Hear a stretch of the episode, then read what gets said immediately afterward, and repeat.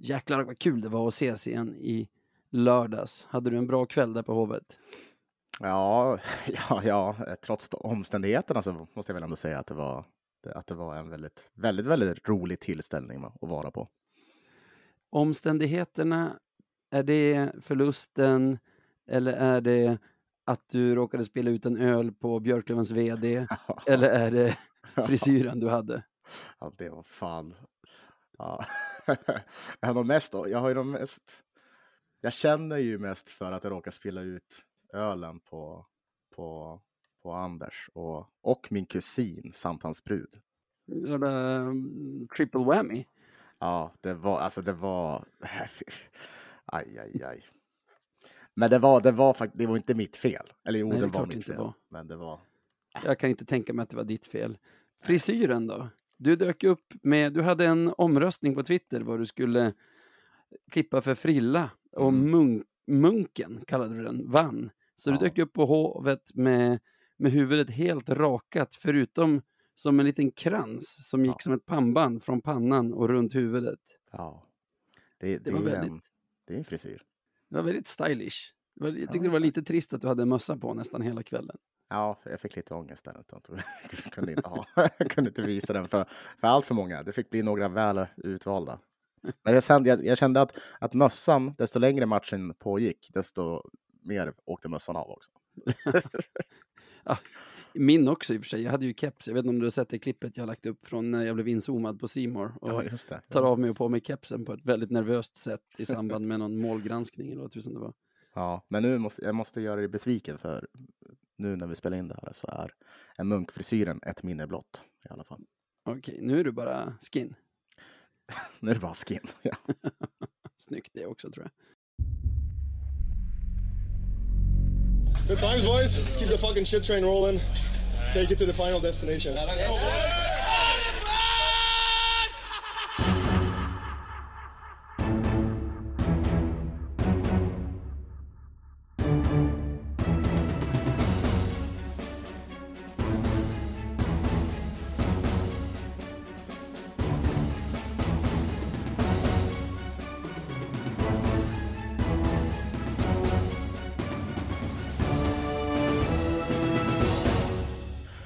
Ja, men då kan vi hälsa er alla välkomna till ännu ett avsnitt av Radio 1970.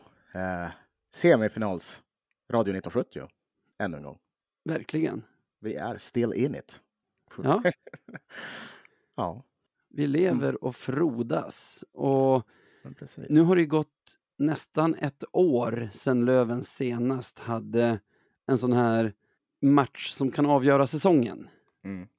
Ja, och det, det, är ju verkligen ett år av att längta efter den typen av matcher.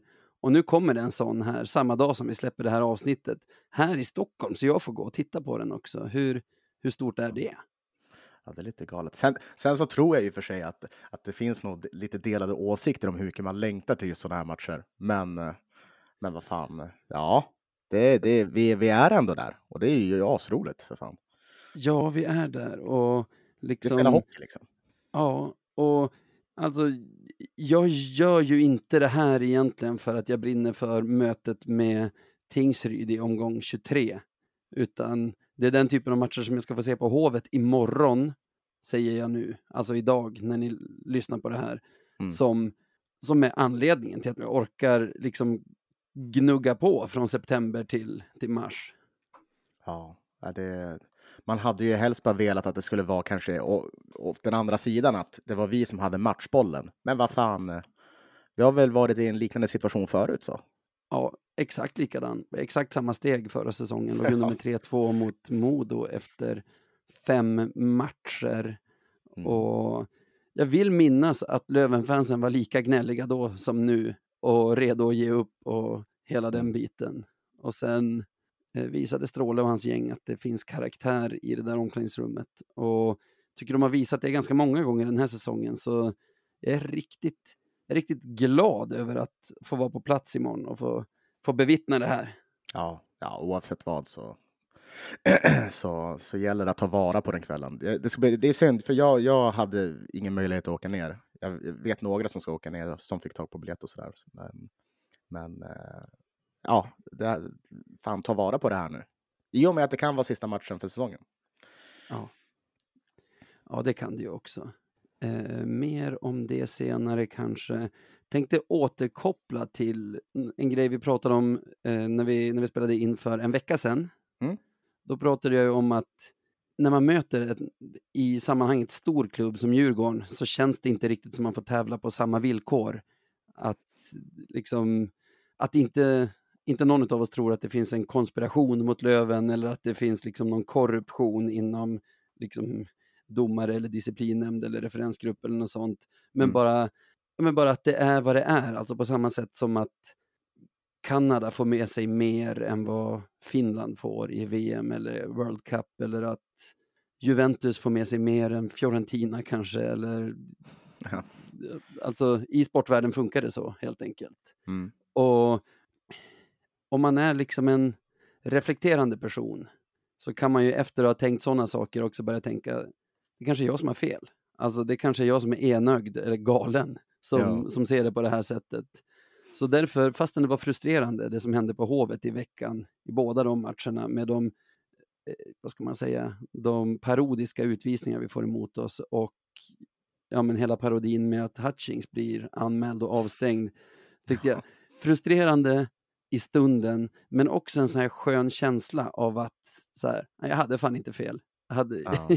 jag, jag hade rätt hela Det- det- vägen. det- och det- också, också att efter det så märker man hur folk har slutat kalla oss Löven-fans för enögda och, och det, utan mer reagerat mot ja, domare, disciplinnämnd, referensgrupp, sådana grejer.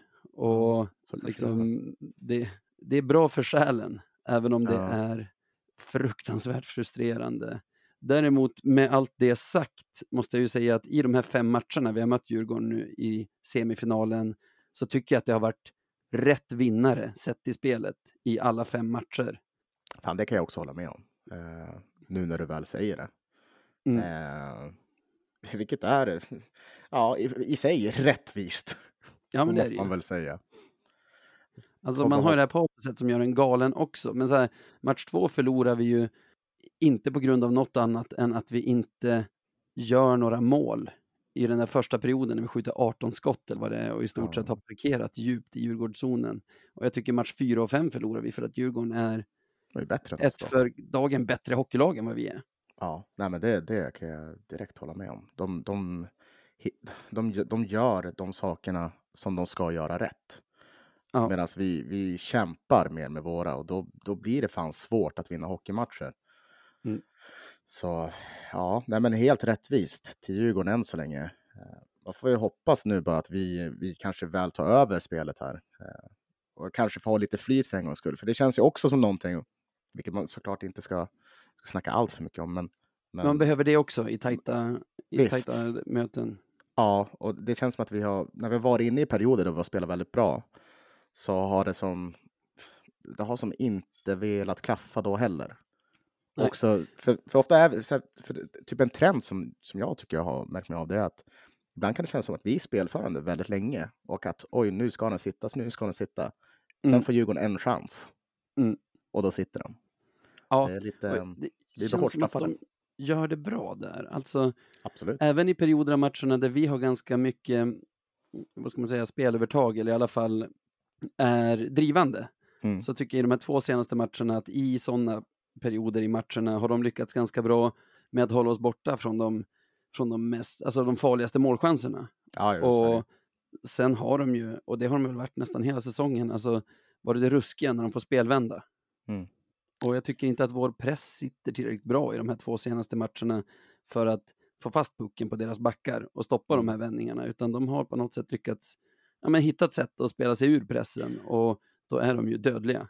Det, det känns som att så som vi har upplevt så som vi har upplevt Djurgården nu, det är ju hur andra lag har upplevt oss när, vi, när de har fått möta oss med våra Ja. spelvändningar och hur vi kan och hur vi kan bara vända på, på steken på en jävla halv, halv sekund. Ja. För det, det är inte så det känns som nu. Det var ju typ, det jag beskrev nu är ju typ hur Löven har spelat sen Kente Ja. kom. Ja. Ja, det, det är surt att bita man, man, märker ju hur tufft det är att vinna matcher då. Ja, ja verkligen. Eh, det kommer ju att krävas, jag ska inte säga någonting extra, av vårt lag för att vinna de här två sista matcherna. Men det kommer krävas en prestation på nära toppen av vår förmåga i alla fall. Ja, det, det, det kommer det. Det är ju många, många i Djurgårdens lag som kommer vilja vara hjältar imorgon och, och vilja spela sin bästa hockey. Så det, vi måste ju matcha eh, helt enkelt.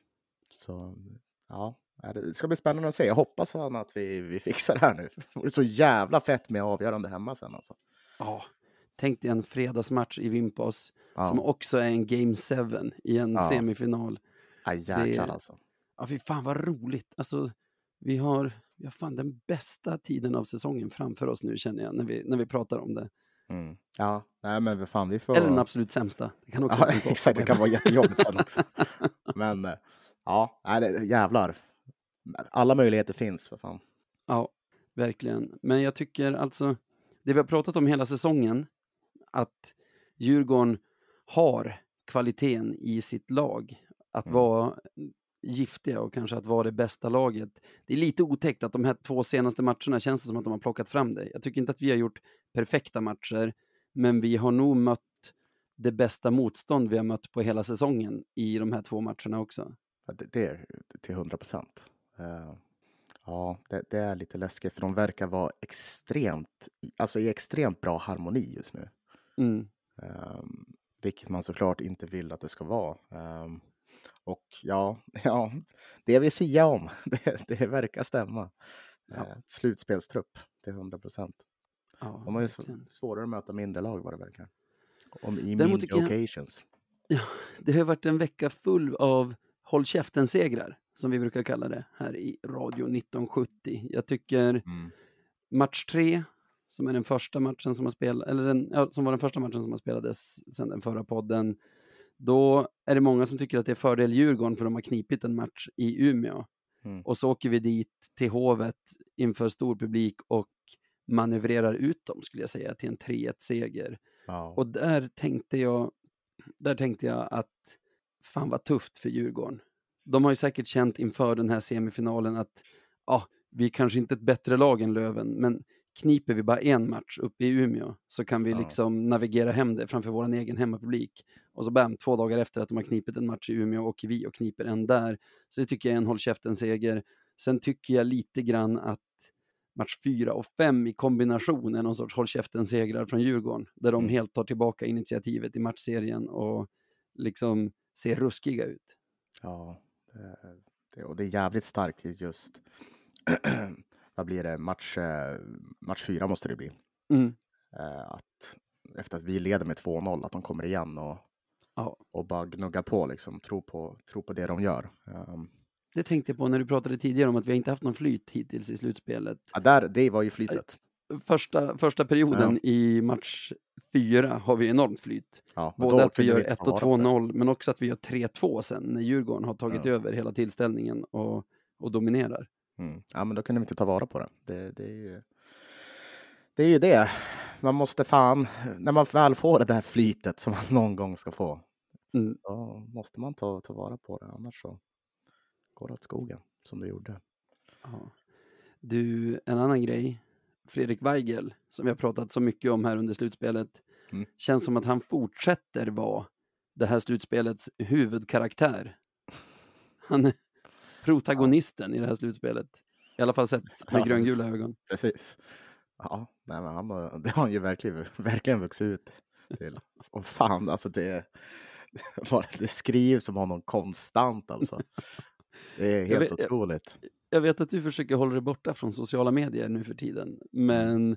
varje dag när jag öppnar Twitter och ser att så här, under rubriken trendar i Sverige Ja. Och ordet Weigel är ett av dem. Då känner jag att det här kommer att bli en rolig dag på internet. Det är fan ganska galet. Ja, nej, nej. Det, jag, jag, jag, tror att det är bra för min kropp och själ att jag inte är inne och tittar så mycket. Undrar om Weigel är det? För då skulle han ju se att han bor ju i så många huvuden. Alltså, han bor ju i typ alla Djurgårdsspelares huvuden, men även i väldigt många hockeysupportrars huvuden bor han. Det, jag ser fortfarande Västerås-supportrar som, som verkar vara helt besatta och galna. Besatta ja, det, av och galna på det, honom. Det är lite och, som, Djurgårdsfansen verkar också vara helt tokiga över honom. Ja, det är lite så, så de vi har sårat tidigare, liksom slagit ut. Ja, de, de, de, ja, de har svårt att få, få ut honom ur, ur huvudet. Ja, jäklar. Det är väl Ja, så det ska vara också. Ja, och där har vi egentligen en sak som jag tycker vi har med oss fortfarande i den här matchserien. Ja. Det är liksom det där spelet och hur framförallt Weigel bor i deras huvuden. Alltså, det, man märker av irritation i deras, i deras trupp och, och bland deras supportrar över honom. Och det Mm. roliga med Weigel är ju att, vad ska du göra? Om du kör vissel och buorkan när han har pucken så blir bara bättre av det och börjar retas ännu mer och kryper ännu längre in under skinnet på er. Och så här, eh, jag vet inte vad som händer om folk bara skulle skita i honom. Det har typ aldrig hänt. Så, Ja, Det hade varit omöjligt. Men det, var, men det var ju som, ja, men precis som du säger, när, när visselorkanen kom Ja. mot Weigel. Det måste ha varit match tre då. ja, Ja, så, han njöt. Njöt. ja, ja, ja. ja, ja, ja. Det där leendet som man åker runt med, det, det blev, jag trodde inte det kunde bli bredare, men det blev faktiskt ännu bredare. Då. Ja, nej, han är dominant nu. Han är verkligen vår bästa spelare. Utan tvekan. Vad har vi mer då? Vi är väl inte lika överlägsna i special teams som vi har varit under grundserien. Nej, vi, vi är ju inte det. Och ja, det är också för att vi var ju väldigt, väldigt överlägsna där. Ja. stund. Och för att man möter ju bättre lag i en semifinal än vad man gör liksom, generellt under grundserien. Men vi var ju bättre än Djurgården i både boxplay och powerplay under grundserien. Och det är vi ju Mm. inte om man ser till de här tre matcherna den senaste veckan. Mm. Så har vi ett PP på 22,22 procent och ett boxplay på 71,43 procent. Så Åh fan. det landar vi på vad då? 93,43. 93,65 säger Hockeyallsvenskans statistikverktyg. Det är, Mm. Allt under 100 är ju dåligt och det där är ju en bit under 100. Ja, precis. Och det är väl mest oroväckande att boxplayet kanske har, som ändå har varit stabilt rakt Mm. igenom känns det som. Ja. Har dippat så pass. Men, det- men ja, det, det är ju också det där äh, spelskickligt lag. Eh, och man, att, man, att de får lägen att, att göra mål i, i, Ja. i deras powerplay då, eftersom vi får utvisningar. Sen det vi tjatar om alltid när det är de här veckosummeringarna, litet urval gör ju att de alltså gjort två mål i, Ja, exakt, i powerplay väl. den senaste veckan. Vi har väl också gjort två mål tror jag i powerplay. Så det, det Eh, låter värre än vad det så- är. Så det låter värre än vad det är. Hade till exempel vår, det där, när vi har gjort 2-4 i 5 mot 3, så Mm. spelar vi 5 mot 4 just efter i slutet av andra och har ett stolpskott, stolpe Mm. ut. Och det är verkligen stolpe ut, alltså stolpe parallellt med mållinjen ut. Hade det varit stolpe in så är vi uppe på 33,33. Alltså det, Ja, det är väl vad det är, men jag tycker att deras boxplay biter ganska bra på vårt powerplay. Mm. Alltså den här överbelastningen som ger oss lite tid med puck, det är vi inte vana vid och kan inte, alltså vi hanterar det inte på bästa sätt. Det borde vara lätt för oss att, att bara hitta över till, till bortre med en, med en macka som, som friställer liksom två gubbar, men det händer liksom inte. Nej, precis. Nej, men de, det känns som att de har ju, de, har- de har ju såklart studerat det där in i minsta jävla detalj och, och Mm. gör ett fenomenalt jobb på att stänga ner oss på det sättet vi vill spela powerplay. Så ja, det, det är ju. Man hade ju önskat att vi, att vi hade varit lite mer uppfinningsrika där Mm. eh, och haft någon plan B, C, D och E. Ja. Men, eh, Ja, verkligen. Vi, men ja, det kanske kommer. De var mörkare fram tills nästa match. Ja, och jag menar ju, ju längre tid det går desto, alltså precis som att förr eller senare hitta någon, alltså förr eller senare skulle Djurgården göra ett powerplay-mål till exempel Mm. i den här serien.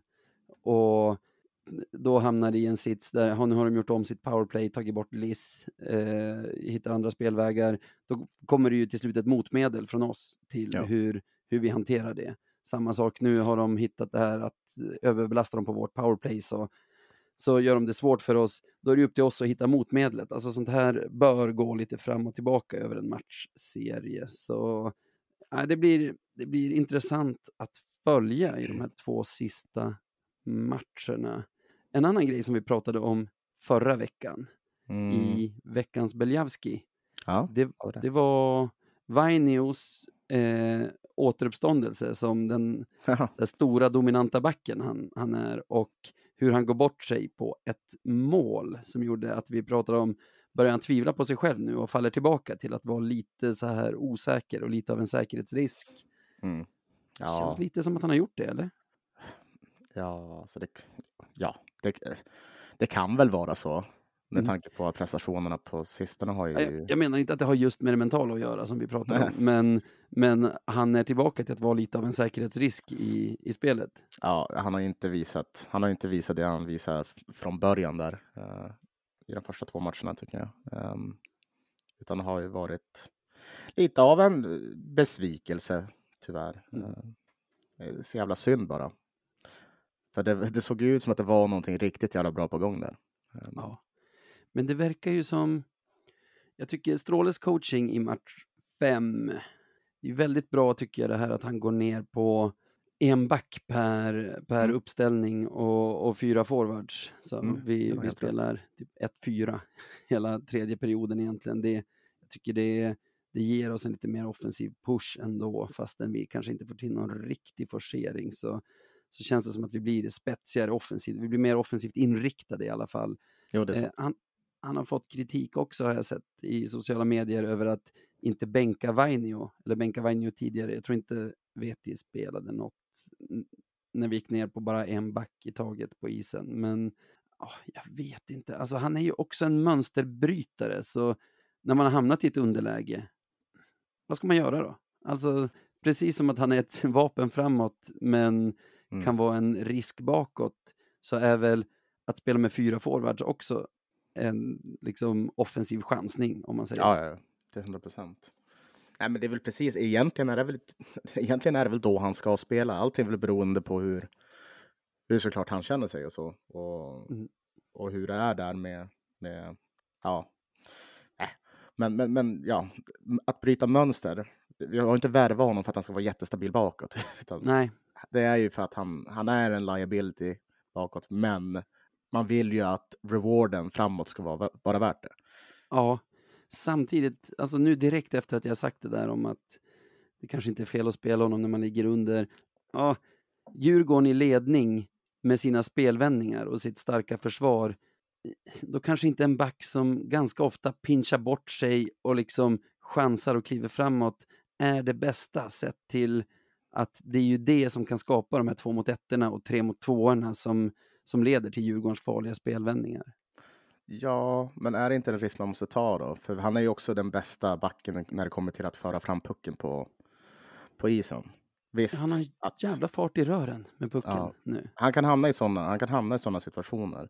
Men när det kommer till att transportera puck, han ju, han är ju bäst där, tycker jag i alla fall. Så det, det, det är svårt. Det är som sagt, man måste, det är en avvägning man måste göra. Är det värt det? Ja. Och han känns inte som en sån, nu ska inte jag gå in i hans huvud och låtsas att jag vet hur han är. Han känns ju svårcoachad.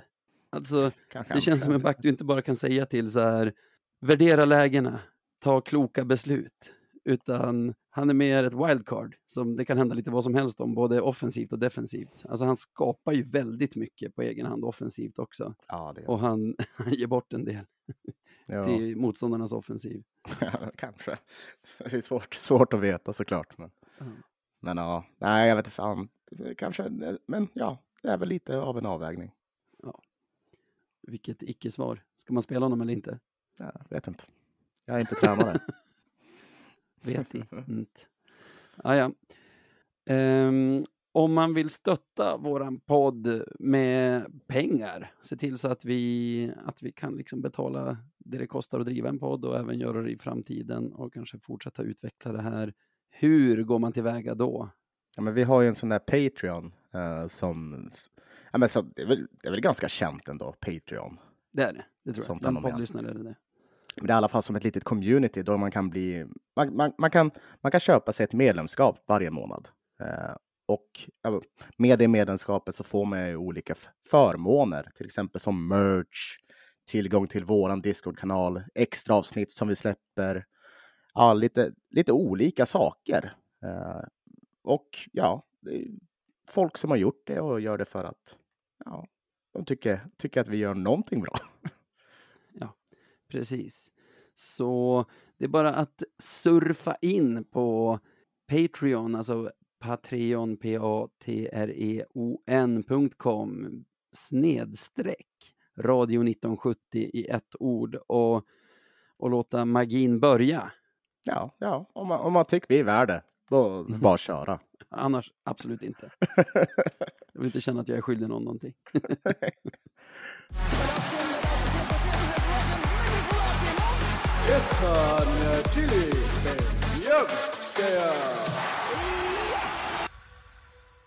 Och då har det blivit dags att utse veckans bästa spelare i Björklöven i ett segment som vi kallar för veckans Beljavski. Vill du ha lite siffror på gubbarna? Eh, ja, men absolut. Absolut. Då har vi på de här tre senaste matcherna Scott Pooley på poäng, poängbästa plats med 3 plus 1, 4 poäng. Vi har Nick Schilke och Jakob Ol- Olofsson på 1 plus 2 vardera, så 3 poäng. Bästa målskytt är ju Pooley såklart då med sina tre. Så har du ju härliga Gustav Possler på två mål Oj, oj. i match fyra kom väl båda, just det. Ett Ja. riktigt brännbollsmål. Jag blev lite sugen på att värva honom till Boyaka där när pucken är högt uppe och seglar i luften och landar liksom framför honom så han whackar till den på volley slash halvvolley. Ja, du, du får skicka, skicka ett mail till honom. Kolla utifrån om han, om han vill ställa upp. Kolla intresset. Ja, Eh, ja nej men eh, spännande vecka ändå. Ehm, jag har varit inne lite grann på, det, det är en av dem som du nämnde. Och det är, eh, om jag får börja det vill säga. Ja, du får börja. Och det är ju Jakob Olofsson. Ehm, för jag tycker att han är... Alltså vi, vi snackar ju mycket om, om Weigel och Rahimi och Hutchings när det kommer till slutspel och en del om, Ol om Olofsson, men jag tror inte tillräckligt om Olofsson. För det känns som att han är ett jävla slutspelsmonster. Han Mm. gör, det känns som att han gör viktiga mål och assisterar till viktiga mål. Och fan... Det känns som att han är, han är fan gjord för sådana Ja. här han är fan gjord för sådana här typer av matcher. Mm. Mer eller mindre. Han höjer sig tio extra snäpp när det väl vankar slutspel och det, det tycker jag att, det, att han har visat också den här, den här matchveckan som vi har haft. Den här säsongen igen. Han höjde sig väl väldigt mycket i förra årets slutspel också vill jag minnas och var en av Mm. våra bättre centrar. Ja, om inte nästan det bästa. Alltså det, var, det var ganska galet. Eh, nej, men jag tycker att han, eh, han, han är klockren. Eh, och jag är fast övertygad om att han kommer vara en väldigt, väldigt viktig eh, aktör i morgondagens match. Eller dagens match för de som lyssnar. Han är smart spelare tycker jag. Alltså smart både offensivt och defensivt. Man är Mm. inte... Han är ju inte ett liksom, riskmoment i defensiven heller, fastän han är, alltså, har en ganska stark offensiv Mm. också. Så, ja, jag gillar det jag ser av honom. Ja, det, det känns som att det, är bara, det är en spelare med bara uppsidor. Ja. Det, det, det är vad jag, vad jag känner när jag tänker på Olofsson just nu. Och sådana gillar man ju. Eh, nu i match 6, den senaste matchen, eh, satte du också, eller fick du också hjärtat i halsgropen när han får en ganska hård crosschecking i huvudet där nere i offensiv zon? Ja, ja hjärtat i halsgropen. Man blir mest typ arg. Ja, men jag tänker just en spelare som har varit borta i stort sett hela säsongen med en hjärnskapning Ja. av en klubba i huvudet liksom tidigt på säsongen. Eh, då, oh, jag, jag njöt inte av att se honom bli crosscheckad i huvudet. Det gjorde jag inte. nej, nej, nej. Det är. Ja, Det är livsfarligt med sånt. Det är det. Mm.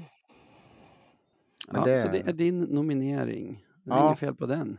Ja, nej, jag landar fan i det alltså. Bra, bra, bra.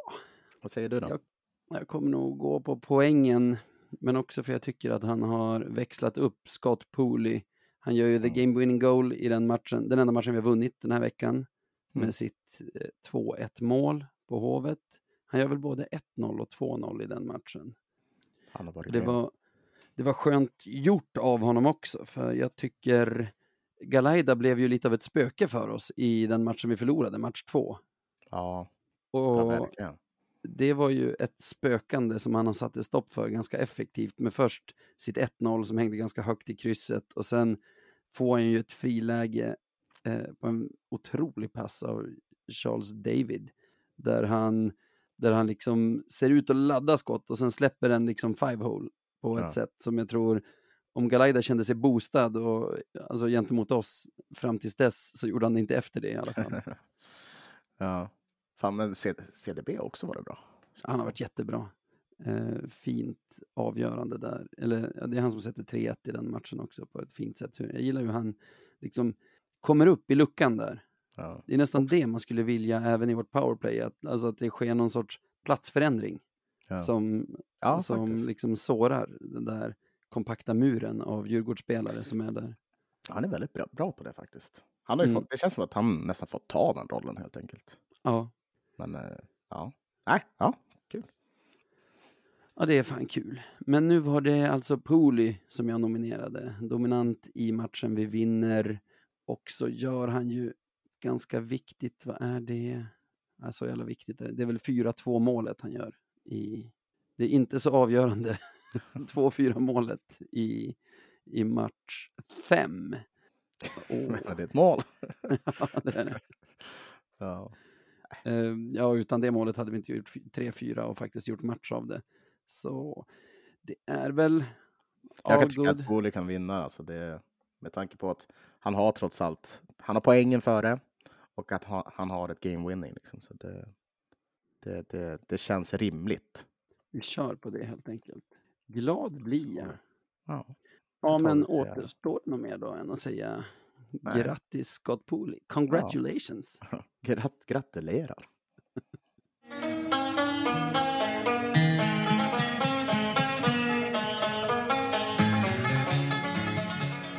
Veckans Marklund. Och då hoppar vi vidare till, ja, de flestas favoritsegment av den här podden.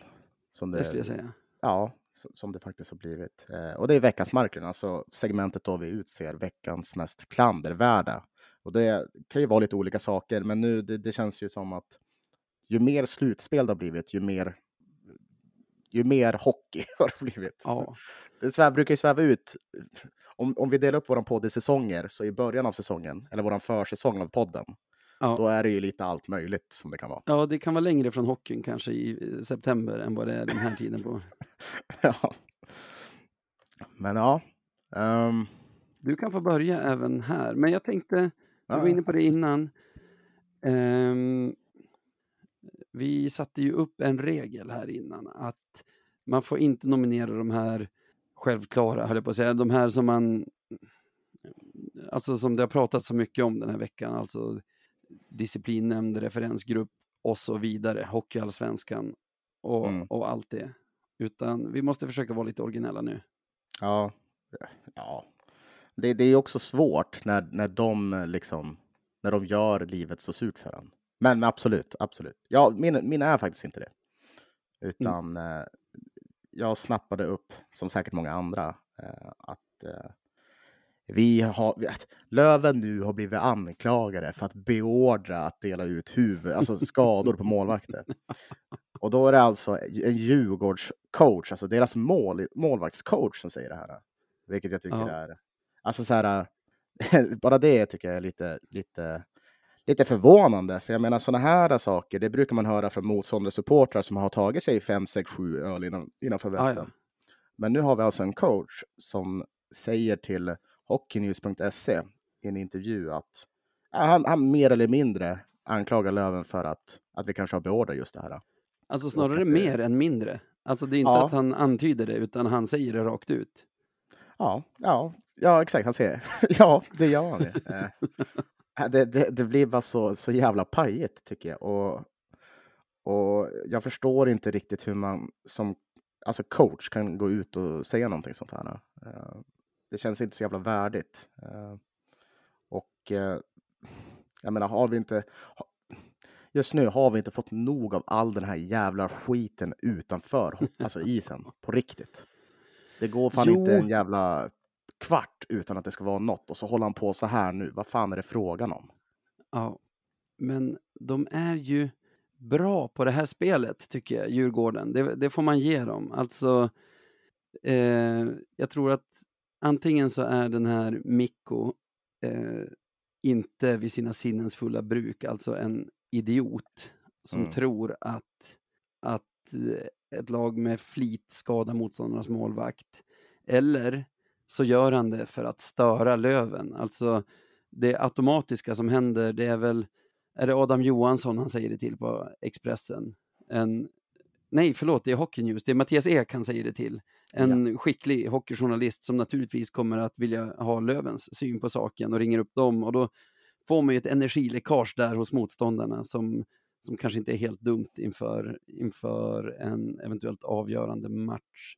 Jag har också hört att Djurgården har fått Hockeyallsvenskan att höra av sig till Löven angående hur de sköter matchklockan i den här matchserien. Alltså matchklockan som de har skött by the books, men liksom det är så här smart rävspel, det, det stör ju på flera nivåer. Alltså det, det är bara extremt jobbigt att spela mot dem. Det, det försvinner liksom energi åt alla möjliga håll som inte är liksom på isen. Så man måste ju verkligen, man måste verkligen ha is i magen när man, när man möter så här liksom eh, Jag, jag, kan tycka, rutinerade föreningar. jag, jag kan tycka så här att, ja, som du säger, absolut, rävspel och att, ja, men, att göra nästan allt vad som krävs för att ja, men, få ett övertag mentalt. Det Mm, är fan, mm. det är helt okej. Men jag blir fan lite förbannad när man på riktigt menar att vi, alltså, vi ska ha beordrat att skada en ja. spelare. Och Ah, man, ja, om man gör det här i egenskap som coach. Ja. Det är för fan, det, det är ju, alltså, och, och, jag tänkte säga att det är för fan förtal, men alltså du förstår vad jag menar. Det, det är, jag förstår om supportrar gör det. Det, det är Ja. rimligt att det händer. Men som coach absolut inte. Och det är därför det här blir så jävla extremt klandervärt. Ja, Och då skiter jag fullständigt i om det är slutspel eller inte. Det är riktigt jävla vidrigt. För, för vad som händer när en person med den här statusen inom hockeyn, alltså en hockeycoach, säger det här, Mm. det är att man legitimerar det. Vilket gör Exakt. så att det bara kommer, spä- alltså det kommer bara bli mer och mer av det här. Särskilt Ja. nu från Djurgårdshåll. Och liksom fortsätter vi så här, ja men vad fan, då kan man ju börja säga vad som helst. ja, Så det, äh, jag tycker bara att det är så jävla dåligt. Och fine, gör vad ni vill, men just sådana där saker tycker jag att de kan hålla sig ifrån. Alltså.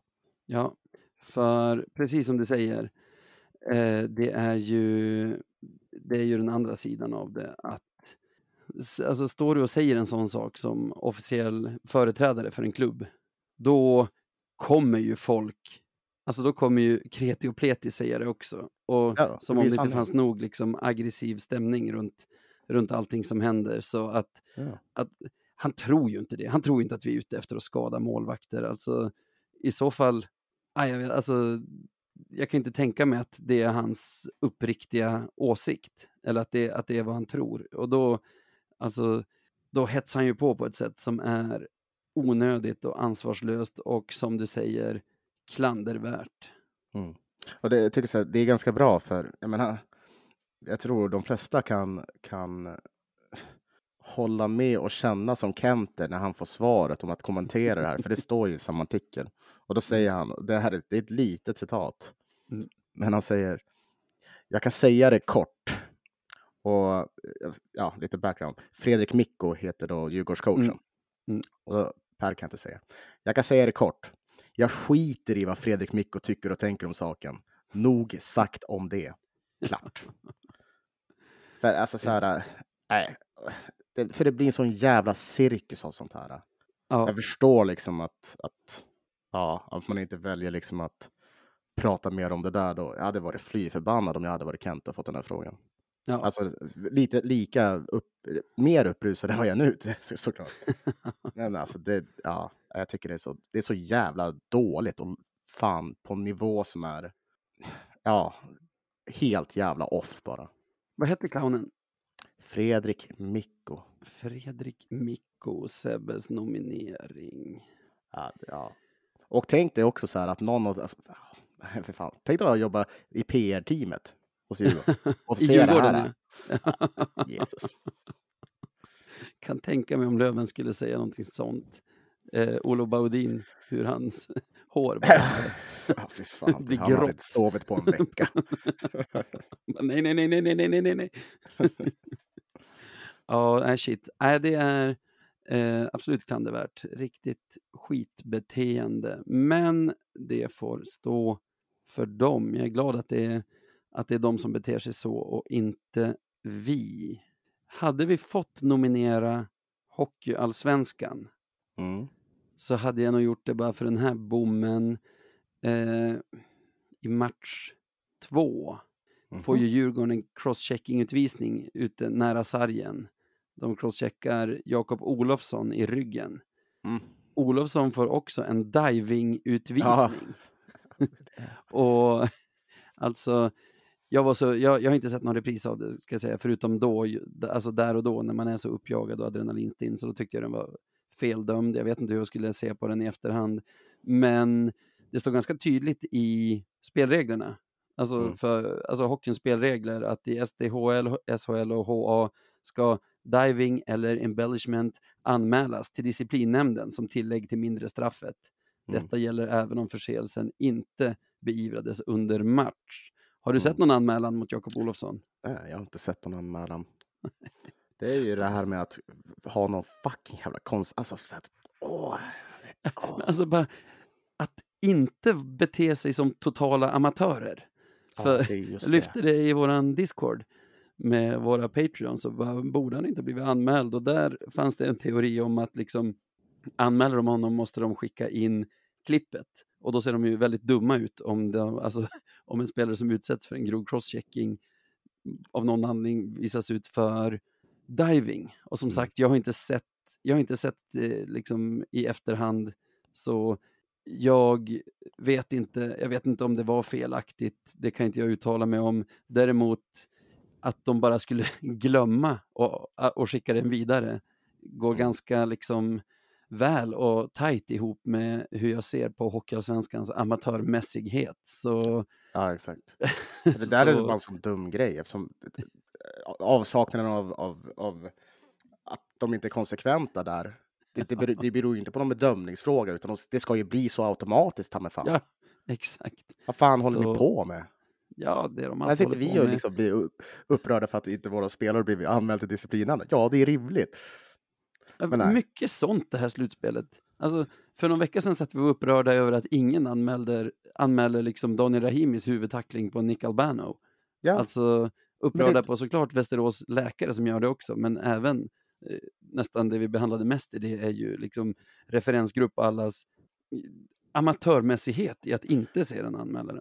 Men på något sätt så känner jag ändå det är bra att, att, att, att det är så här, det här slutspelet. För nu får ju faktiskt, nu, det känns som nu, nu, nu, nu, nu får folk se hur jävla illa det är. Man har vetat att det har varit dåligt, man har tyckt att det har varit dåligt, men i år har det Ja. fan, nu, alltså det har redan pikat känns det som, i, Ja. i idioti. Ja, ja, ja. Ja, Allt är Så- så jävla dumt nu. Och det, alltså, vi ska inte gå in på Hutchings avstängning heller. Där tycker jag liksom hela domskälet, eller vad man kallar det, alltså domen osar så här, ja, man ser att han försöker undvika det, eh, den träffar inte huvudet, men bara att han typ inte såg att det skulle kunna hända gör att han blir avstängd och liksom hur många jävla situationer det är som i så fall skulle leda till anmälan och avstängning. Men vi släpper ju det, för som sagt, vi får ju inte anmäla hockey, Hockeyallsvenskan eller disciplinnämnden eller referensgruppen. Så jag har en annan grej. Och jag håller det öppet att jag kanske blir extra så här what the fuck för att, för att jag jobbar i den bransch jag gör och har jobbat på Seymour som det handlar om här. Mm. För det är i Expressen, jag tror att det tidigare nämnde Adam Johansson som har skrivit, jag tycker han är, han är en skicklig hockeyreporter, han får, han får ut bra citat, han får, alltså det, det berör, alltså sakerna han letar fram. Ja. Men Örebro har en spelare som heter Mattias Bromé. De är just nu i semifinal mot Skellefteå. Ja, alltså. Eh, vet du vad det står i den matchen nu? Den borde väl, den Ja, borde vara slut om den inte gått till förlängning. Jaha, Men- Skellefteå vann med 1-0, så Örebro är utslagna. Ja. Eh, Nej, jag tittar inte på det där. 1-0 alltså. Det är 39, ett ovanligt 45. hockeyresultat, måste man säga. Ja, det är det. det, är det. Äckligt Skellefteå-resultat är det. Skitsamma. Eh, då ska vi se. I alla fall, förlåt. till Adam Johansson säger han, eh, när är det här då? Ja, det är efter att Skellefteå vann i sadden här i, i match fem. Mm. Mm, läser och läser och läser. Ja, eh, Mattias Bromé vill inte gå in i någon av händelserna i detalj utan bestämde sig istället för att rikta fokus mot Simor som sänder matcherna. Och nu får liksom Mattias Bromé vara symbolen, för jag ser det här ganska mycket i sociala medier också från fans till olika lag, eh, att han säger, han bestämmer sig för att rikta fokus mot Simor som sänder matcherna. Det beror helt och hållet på vad Simor säger. Det här handlar alltså om eh, avstängningar och sådana grejer, utvisningar. Mhm. Det beror helt och hållet på vad Simor säger. När de säger någonting så blir det oftast så. Jag håller mig till det. Adam frågar, eller Adam säger då, då får man ratta in deras sändning. Då svarar han, om Simor ligger och trycker på det, då blir det någonting av det. Eh, alltså, det är ju som att han, han på något sätt menar att Simor som tv-bolag försöker styra vilka som blir anmälda och avstängda. Och jag vet inte, nu ska jag säga direkt, jag känner nog ingen som jobbar med, med SHL på Simor längre och inte så många som jobbar med Hockeyallsvenskan. Men både Mattias Bromé och supportrar till ganska många olika lag i Hockeyallsvenskan eh, säger typ så här och på något sätt riktar det mot Simor som att de skulle driva en agenda mot, alltså för att få spelare avstängda eller i alla fall anmälda. Och det kan jag nästan lova att Simors enda agenda är att göra så bra och intressanta sändningar som möjligt. Sen delar jag Mattias Bromés känsla av att säger Tobias Karlsson i Simor att Fredrik Weigel försöker slå av knät på, på Vejdemo så är det större chans att han blir anmäld om, än om han inte säger så. Eller liksom vevar Simor väldigt många repriser på någonting och lägger fokus på en situation så är det större chans att den blir anmäld. Men då tycker jag man får rikta strålkastaren mot referensgruppen. Precis. Har de någon integritet alls? Eller Ja. springer de bara på de mest uppenbara bollarna som liksom Ja, bollas upp för dem i sändningarna? För precis. jag menar, om det är så som Mattias Bromé tycker och som jag känner, man ska, man ska gärna känna saker när man, när man anklagar folk, men och, om det nu är så som han påstår, då är det, då är det ju helt fel fokus att gå på tv-bolaget. Ja, Nu tror jag att de kan stå ut med det. Det är, nog, det är inte synd om Simor på något sätt. Men jag menar, jag kan lova alla att Simor eller de man ser i rutan har inte en agenda i slutspelet. De, deras lägligt. enda agenda är att göra så bra tv som möjligt. Ja, men jag tänker själva liksom. Ska Harald sitta där och bara "Åh, undra vem vi ska ta ut nu? Nej, kom Mm. igen för fan. Det är svårt nog att göra bra liksom, live-tv av så här, eh, vad ska man kalla det, så eh, svängiga grejer som ett hockeyslutspel ändå är. Och att, att man dessutom Ja. skulle sitta liksom med, med referensgruppen som någon sorts Kasperdockor och styra, Ja, och styra den teatern också. Det, Master of Puppets liksom. Mm, det kommer de inte att göra. Och jag tycker, ibland när det finns så mycket att kritisera i ett slutspel så riskerar det att drunkna i kritik, alltså obefogad kritik åt fel håll. Mm. Alltså, det är så himla lätt om folk kommer med legitim kritik mot olika saker och illegitim kritik mot andra saker, att då fokuseras det på den här illegitima kritiken och så får man höra att hockeysupportrar bara är enögda barnungar som, som inte kan bete sig, typ. Mm. Och samma som med den här Mikko, att liksom om en företrädare för sporten säger det, Ja, det är så då, sinnessjukt. då är det svårt att få bort det från supportrar. Ja, det, det är liksom när man har lite... Han, har, han har ju ändå liksom credit till sitt namn. Ja, Och att gå ut och säga något sånt där, det...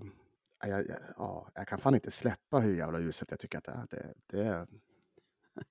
Och det, jag tycker att det är mer och mer uselt ju mer jag, ju mer jag funderar på det. ja.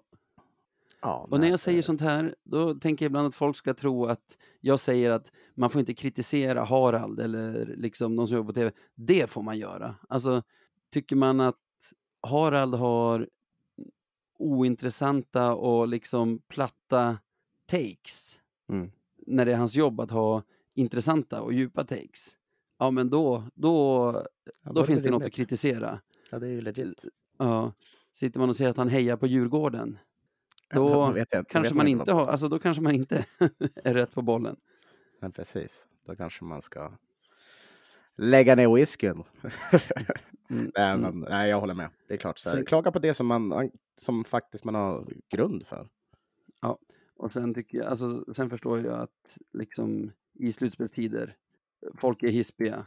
Det är, alltså man hugger ju på saker som kanske inte är, alltså man är lite mer spetsig än vad man är resten av året. Så det kanske inte, man kanske ska tolka det bokstavligt om något fan säger nu vill Simor ha Mattias Bromé avstängd.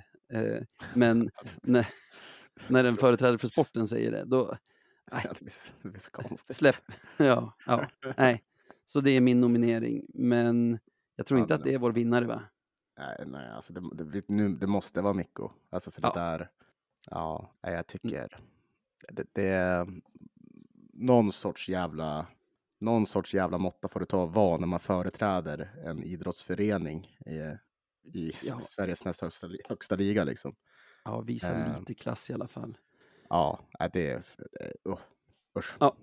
Tölpigt beteende och grattis Mikko, du är veckans Marklund. Grattis!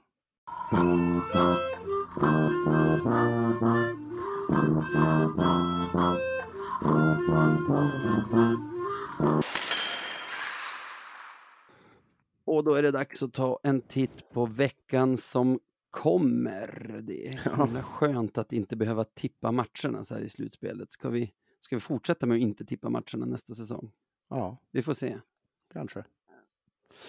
Ja, vi har ju en match idag, eh, får man väl säga, onsdag. Mm. Eh, Djurgården borta, matchboll för Djurgården.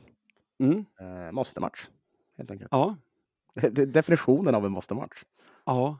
Det ska bli spännande att se hur Lövenspelarna tar sig an det här. För jag tycker ändå, vi har ju kvaliteten i gruppen.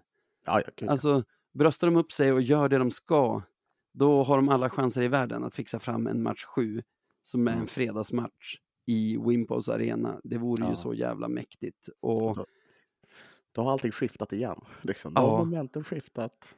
och jag känner mig så jäkla boostad för onsdagens match. Så himla kul. Alltså, om man kollar på förra säsongens slutspel, Mm. då hade vi kniven mot strupen i fyra matcher. När det stod 3-2 till Modo, Mm. när det stod 3-3 mot Modo, när det stod 3-1 till HV och när det stod 3-2 till HV. Och vi vinner alltså tre av de här fyra matcherna. Ja. Så vi har ju ett ledarteam och en grupp som är vana vid och duktiga på att hantera den här typen av situationer. Ja. Och någonstans är jag ju lite avis på spelarna i truppen.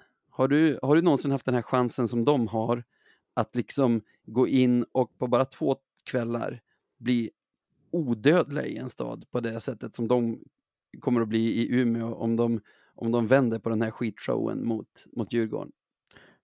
Behöver jag besvara det? Nej, jag skulle Nej, bli väldigt förvånad om svaret var ja. Eh, ja, det har jag. Vilken jävla chans de har. Alltså, ja, jag, jag avundas dem. Faktiskt. Det jag tror, det, blir- det blir också... Alltså, hade jag inte hejat på Löven Ja, så, så hade jag tyckt att det hade varit spännande att se vilket psyke Djurgården har nu. Mm, För det här, det måste vara mycket tuffare att spela en sån här match. Alltså, Ja. när man måste, alltså, tänk dig deras förutsättningar, har kommit ner ifrån elitserien. Ja, ja. De ska bara upp. Det kommer och har vara en trupp som säkert är dubbelt så dyr som den näst dyraste truppen i serien. Precis, liksom så här, det ska vara fullsatt så alla liksom som... Alltså tänk dig, det är alla jävla förväntningar på en och samma gång. Och det, det, det måste nog kännas... Det måste Ja. nog vara skitjobbigt, tror jag. Ja, det, det har ju, det har Det ju är inte någonting. Samtidigt som de har ju också en chans att bli, om inte odödliga, så i alla fall att få avgöra på hemmaplan inför, inför sin eh, väldigt kraftfulla hemmapublik. Så Absolut. alltså, de har, ju, de har ju både och de också. Jag tror inte de är jättesugna på en match sju i Umeå heller. Så, eh, Nej, det tror inte jag. Det är ju det lag som hanterar känslorna bäst som kommer, som kommer vinna den här matchen. Och det känns som att det borde vara vi. det känns... Alltså sett till vad den här gruppen har gått igenom de senaste åren i alla fall. Ja, det kan man tycka. Det, det är klart man kan tycka det. Ehm, I alla fall sak- så känns det som att vi har bra förutsättningar för det. Att klara Ja. en sån här situation. Precis. Vi har alla förutsättningar. Vi har möjligheten. Om vi tar den eller inte, det återstår att se. Jag tycker en sak som, oroväck- eller som är oroväckande är att Djurgården i det här slutspelet, eller i den här semifinalserien, har varit ganska bra på att hugga, vad ska man säga, nyckelmatcher. Mm. När vi vann första och ledde med 1-0 i serien och även spelmässigt varit mycket bättre så kände jag väl att det kan bli en ganska kort serie. Mm. Då, då haffar de den där andra matchen i Umeå och har helt plötsligt hemmafördel. Ja, precis. Och sen när vi, trodde jag, knäcker dem lite grann i match tre genom att direkt ta tillbaka initiativet med en övertygande seger på Hovet. Ja, då hittar de ett sätt att vinna nästa match och komma upp i 4-4 och, och liksom vara det lag som har vunnit senast. För det är alltid skönt i en sån här serie att vara det lag som var den senaste vinnaren. Och eh, de, de har en otäck förmåga att, att pricka in de där, de där matcherna, de psykiskt viktiga matcherna att vinna. Ja. Ja, precis. Det verkar som att de är rätt så bra på det där också. ja, men ja, nej, nej, men vad fan, vi, vi får ju se det som det. Vi, de har ju verkligen allt att förlora här och vi har allt att vinna. Så, eh, Ja, kanske. ja, men? Men typ, ja. De har väl i alla fall någon sorts press på sig att ta hem det här hemma för att slippa en match sju på bortaplan. Ja, ja, precis. Ja, det ska Ja. bli spännande och det ska bli kul som fan. Tänk att jag får... Tänk vad man får uppleva i livet. Ja. Det, det, är, det är härligt. Du, Vem- jag Vem hade undrar... kunnat trott det här liksom? Vad sa du? Vem hade kunnat trott det här för fem, sex år sedan? Ja, Att man skulle spela en semifinal, kval upp till SHL mot Djurgården. Ja, och det är Ganska- jämnt. Precis. Det är, ja, Ja. fan. Nej, det är verkligen, alltså, många Löven-supportrar verkar inte ha psyket att tänka på det just nu. Men det är ju det här som är anledningen till att man gnuggar på hela säsongen. Och går till ladan och kollar Tingsryd och liksom eh, trycker på. Det är ju för att få vara med om sådana här, såna här tillställningar och nu får vi det. Om man vill Ja. kontakta oss och säga vi har inte alls dåligt psyke eller något annat. Hur gör man då? Eller bara berömma podden. Tänk vad kul Ja. det vore. Vi får lite fina meddelanden. Ja, Eh, då kan man eh, surfa in på Instagram eh, och, där, och Instagram och Twitter. Där heter vi att radio1970se. Eller så mejlar man oss eh, och då är det podcast at radio1970.se. Eh, så, så gör det gärna där om ni vill. vet du vem Kalle Lind är som har den här podden Snedtänkt och, som, eh, och så vidare. Jag tror fan inte jag vet det. På spåret, på spåret gubbe. Han är gammal P3, så här P3 Malmö humorist typ. Mm. Att jag kommer tänka på honom var bara i hans podd så säger han alltid att hans mailadress är, eller hans mailadress är eh, helst bara positiv respons i ett ord at gmail.com. det är en sån mailadress man ska ha. Ja. Nej, vi får ju mycket positiv respons. Ja, det får vi.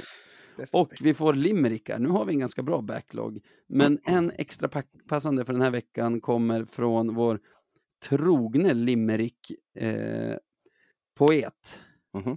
Vem? Mats Johagen. Va? Visst heter han Mats? Jo. Eh, som skriver, är du med? Ja, jag är med. Löven i semifinal mot det anrika Djurgården. Man undrar ju, hur mår den? Supporter som håller på Löven, med allt tjafs som stör den, tror själv att serien på grund av lotterinämnden, den blir svår den. Det är många fyndiga rim. Ja. Djurgården, hur mår den, blir svår den. Löven, stör den. Ja, det, Ja. det är nästan hiphop-rim. Jag gillar det. Ja, det, ja, det där var ju bara några bars inför den nya, frå- nya singeln som släpps. Vi behöver ännu en Löven-låt känner jag. Ja, ja nej, det, ja, det, det var den. Den här hockeyveckan. Nu är det Ja. ja. en vecka till framöver oss. Som jag, Han är lite pessimistisk, Mats. Tror själv att serien på grund av lotterinämnden, den blir svår den. den gör det inte lättare. Det kan man väl ändå konstatera. Eh, men ja, eller svår blir den ju, men inte omöjlig. Det är väl egentligen det enda jag känner. Ja, Och jag känner lite så här, om Stråle och spelarna inte lyckas samla ihop sig och spela sin bästa hockey nu när det betyder som mest, ja, då var vi kanske inte ett lag som skulle upp i SHL den här säsongen ändå. Mm, Och-. Om de lyckas med det och det ändå inte räcker, ja men då är vi inte det bästa laget. Och då är vi inte det laget som ska gå upp i SHL ändå. Nej, naturligtvis. Det, det har du helt rätt i. Det har du helt rätt i. Så det finns inget att gnälla över nu. Nu kör vi bara. Tack för att ni lyssnar. Tack för den här veckan Sebbe. Ha det jättebra. Ha det gött!